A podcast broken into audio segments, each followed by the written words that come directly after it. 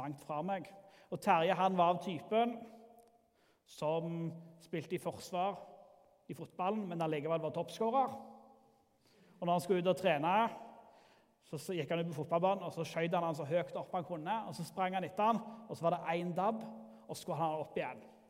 Store, sterke. Terje gikk alltid med sånne army boots. Så hadde jeg ei betente tå. Det er viktig å få med seg. Ei betente tå. Sånn skikkelig betente nagler som hadde rota seg til. og noe sånt. Så det var sånn, Hvis jeg bare dunkte borti han, så var det vondt. Så satt jeg på tensingkorøvelsen. Vi satt i sånn halvsirkel. Så satt jeg her, og så satt Terje på sida av meg. Og Så kom det en til, og så ble det litt uorden i rekkene. Og så skulle vi alle hoppe ett takk den veien. Og Jeg hopper én stol bort, og Terje han følger etter og plasserer hælen på army-bootsen rett på den betente tåa. Jeg bare kjente tårene kom. Så var jeg 13. Og for all del det siste jeg hadde lyst til på første tensingkorøvelse, det var å sitte der og grine. Jeg kommer aldri til å glemme den opplevelsen. Skal jeg være noen år eldre, så har jeg òg gode minner fra ungdomstida. Sommer, det å sitte på terrassen med gode venner, og foreldrene er ute og reiser, og du er hjemme alene. Og du har sittet så lenge og snakket og drøst at du hører fuglene begynne å kvitre igjen. Fordi at klokka er blitt, begynner å nærme seg morgen. Det er noen øyeblikk i livet vårt som bare brenner seg inn, gode eller vonde. Heldigvis har jeg ikke fått noen sånne tilsvarende traumatiske opplevelser her den tida jeg har vært her til nå i Ålgård. Litt traumatisk ikke få lov til å ha så mye gudstjenester.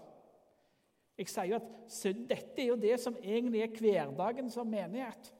Det å få lov til å møtes og være i lag. En fordel når du er ny, det er at da kan du få lov til å trekke fram av noen av de tingene du er ekstra glad i, som du kanskje har vært borti før, men du liker det så godt at du kan gjøre det på ny. Og teksten i dag den handler om et sånt øyeblikk for disiplene. Det er en av mine favorittekster, for han inneholder så mye. Vi skal lese fra Lukas. Nå er jeg ny, så jeg vet ikke om dere pleier å sitte eller stå på G2 når vi leser. Så nå må noen veilede meg. Valgfritt. Vi blir sittende mens jeg leser.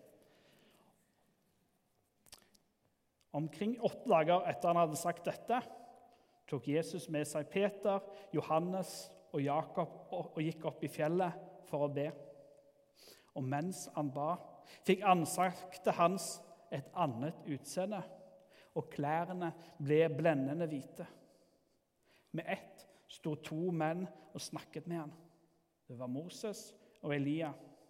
De viste seg i herlighet og talte om den utgangen livet han skulle få, om det han skulle fullføre i Jerusalem. Peter og de andre hadde falt i dyp søvn. Nå våknet de og fikk se hans herlighet og de to mennene som sto sammen med ham. Da mennene skulle til å forlate ham, sa Peter til Jesus, 'Mester, det er godt at vi er her.' La oss bygge tre hytter. En til deg, en til Moses og en til Elia. Han visste ikke selv hva han sa. Mens han talte, kom det en sky og skygget over dem. Og da de kom inn i skyen, ble de grepet av frykt. Det lød en røst fra skyen. Dette er min sønn, den utvalgte. Hør ham. Og da røsten lød, var det ingen annen å se, bare Jesus. Disiplene tidde med dette. På den tiden fortalte de ikke til noen hva de hadde sett. Det er ikke uvanlig at Jesus enten alene eller med noen av disiplene går av gårde for å be. Nå går de opp på et fjell. Jeg ser for meg det er varmt. De har gått noen timer. Så kommer de opp på fjellet. Og så sier Jesus til disiplene nå skal vi be i lag. Går de kanskje ned på kne i gresset, og så begynner de å be. Og så er det et eller annet med dette At de er gått ganske lenge. Og de er litt slitne, og gresset er mykt. Og så sovner de. De er glad i å sove, disiplene. Det er ikke eneste gangen. Samme skjer i Getsemane. Men de ligger der og sover. Og Så skjer det noe med Jesus. Så dukker det opp tre mennesker, to mennesker til. Så ser jeg for meg at Jesus han går fram, så legger han en hånd, så vekker han Peter. Og så ser Peter dette. Og så vet han ikke hva han skal si. Han skjønner på et eller annet måte at dette er noe stort, og det er Jesus og Moses og Elia. Og Så står han der, og så vet han ikke hva han skal si. Og så er han enormt menneskelig. Kanskje det er særlig en del menn som kjenner seg igjen i dette. At når du ikke vet hva du skal si, hva gjør du da? Jo, da blir du praktiske. Han flykter inn i det praktiske. Istedenfor å si noe lurt om Guds storhet eller noe, så blir Peter kjempepraktisk, og så sier han jeg skal ta og bygge hytter. Vi kan bygge hytter til dere. Til og med så går han så høyt ut han sier vet du hva, Jesus, det er godt at vi er her. så han har litt selvtillit ennå. Jeg skal bygge noen hytter, så kan dere være her. Kjenner du deg litt igjen? Når noen forteller deg noe og du ikke vet hva du skal si, så blir du praktiske. Istedenfor å si trøstende ord, så prøver du å finne trøstende ting du kan gjøre. Kan jeg hjelpe deg med noe? Kan jeg gjøre noe for deg? Akkurat det er det Peter gjør. Kjempemenneskelig. Så ler vi litt av det. Men så tenker jeg han gir oss et glimt av hva det vil si å være menneske i møte med andre. Så fortsetter det jo. Så kommer det en sky, og så får de høre Guds røst. Så plutselig er det bare Jesus som står der igjen. Så står det her at disiplene snakker ikke om det til andre. Du leser for Denne fortellingen står i flere av bøkene. Så sier faktisk Jesus til dem at vet du hva, ikke si dette til noen. Tenk på det. Tenk hvis du har opplevd noe så enormt så får du ikke lov til å si det til noen. Oh, jeg... De må jo ha gått rundt og hatt så lyst til å fortelle det. De må jo ha gått rundt og hatt så lyst til å si vet du hva, det var helt sjukt. Vi fikk lov til å se Jesus som Gud sammen med Moses, sammen med Elia. Det var skinnende klær, det var sky på himmelen, det var røst Guds. Så sier Jesus Hysj skal vi gruble. Hvorfor gjør han det? Jeg tror det handler noe om at Jesus er opptatt av at disiplene skal ha en relasjon til ham. At de ikke først og fremst skal ha en sånn tro som handler om at vi har sett et eller annet stort, åpenbart et under. Derfor tror vi. Nei, jeg tror det handler om at Jesus vil at disiplene skal ha en relasjon. At han vil at vi skal ha en relasjon til ham.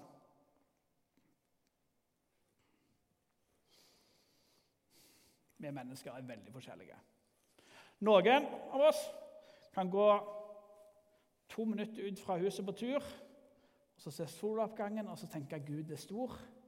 Og så kan de sitte der en time og se på sola og bare oppleve at Gud er her, og nå ser jeg masse av ham. Andre av oss vi kan gå ut og si hm, 'fin himmel', og så går vi videre. Og så var vi ferdig med det.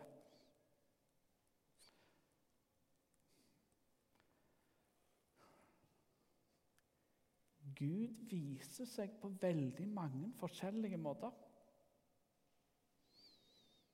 Og heldigvis så er det ikke sånn at vår tro bare handler om at vi skal ha sett Gud i alt sitt skinnende hvite, og så derfor skal vi tro på han, derfor skal vi tilhøre han. Nei, vår tro handler først og fremst om relasjon.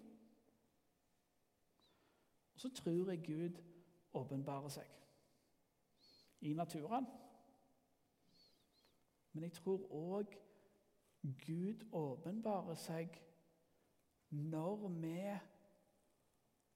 viser andre om han. Jeg tror Gud åpenbarer seg når vi viser noe av Guds kjærlighet til andre. Når vi har kaféstoppen her på fredagene, de kommer for mat, så tenker jeg at Gud åpenbarer seg i det at vi møter mennesker som trenger det med Guds omsorg. Når vi fyller opp med masse tweens og har full fest og moro, så tenker jeg at Gud åpenbarer seg òg i det. Når vi har stille torsdag Anbefales veldig, forresten, én gang i måneden. Formiddagen, stille torsdag. Og hvor vi sammen i en enkel liturgi så tenker jeg at Gud åpenbarer seg i det òg. For Gud er mye mer enn bare en Gud som skal gjøre de store, spektakulære tingene. Nei, Gud er en hverdagsgud. Gud er en Gud som er synlig i de livene vi lever. De menneskene vi får lov til å møte. Og Derfor så tror jeg at Peter han er på en måte ikke så langt på jordet som han vil ha det til. Fordi at eh, når Peter blir praktiske Når Peter gir en respons til Jesus med noe praktisk, så er han på sporet av noe av det jeg tror Gud utfordrer oss òg på. At Gud utfordrer oss på å være hans hender, hans føtter. Ikke på den måten at vi skal springe rundt og tro at vi kan redde både verden og Jesus. Nei, på den måten at vi tenker stort om der vi er, de menneskene møter, at vi da kan være hans hender og føtter.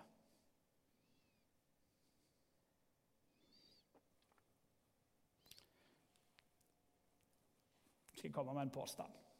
Jeg tror at av og til når vi møter sånne tekster som dette, så tenker vi at vet du hva, hvis jeg bare hadde fått sett Guds åpenbart på et eller annet sånt vis, så hadde troen min vært så mye enklere.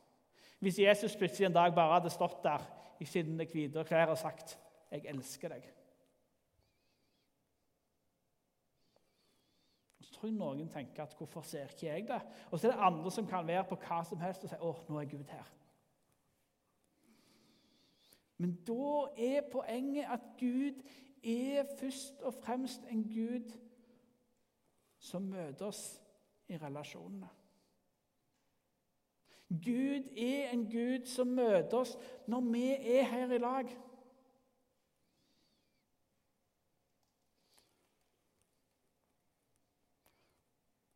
Og så utfordres vi av og til på For jeg tror Gud viser seg oftere enn man kanskje ser.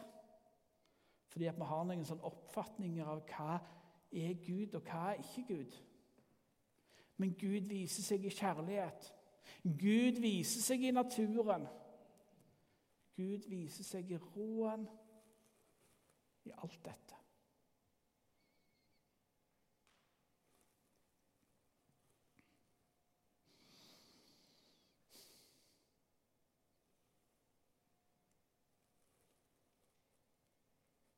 Peter, Jakob og Johannes får en sånn stor opplevelse der og da. Men jeg er ganske sikker på at hvis du hadde spurt de etterpå, så er det ikke det som hadde definert deres tro. Det at de så Jesus på det fjellet. Og Jeg er faktisk til og med ganske sikker på at Peter, som til og med fikk lov til å gikk på vannet tror ikke det var det som definerte hans tro. Nei, det var det at de fikk lov til å gå sammen med Jesus. Det var det at de fikk lov til å leve et liv sammen med ham. Så jeg er ganske sikker på at Peter, når det ble litt seint på kvelden, og noen av disiplene samla, så kan det være han sa ja vel, hvor mange av dere er det som har gått på vannet? Og så syntes han det var kult. Men jeg tror ikke det var det som han definerte sin tro.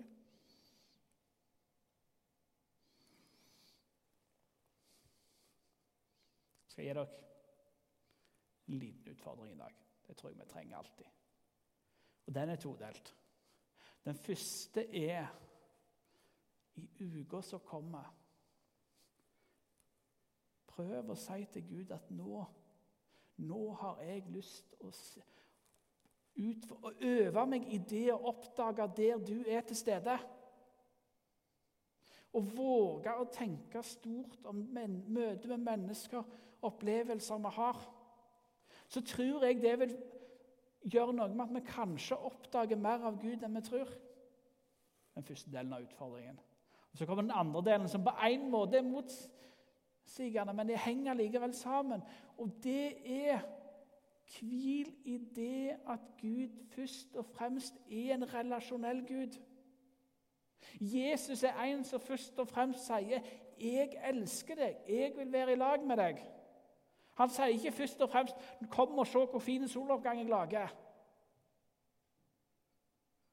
Så hvil i det at Gud vil ha en relasjon med deg, uavhengig av hvor ofte du føler det, eller oppdager Guds storhet, eller alt dette. Så er det motsetningene som henger litt sammen. Det handler om å speide etter, lete etter og se mer av hvem Gud er. Og samtidig hvile i at den Gud som du ser og speider den har allerede sagt at du er mitt barn, jeg vil ha noe med deg å gjøre. Jeg går sammen med deg hver dag.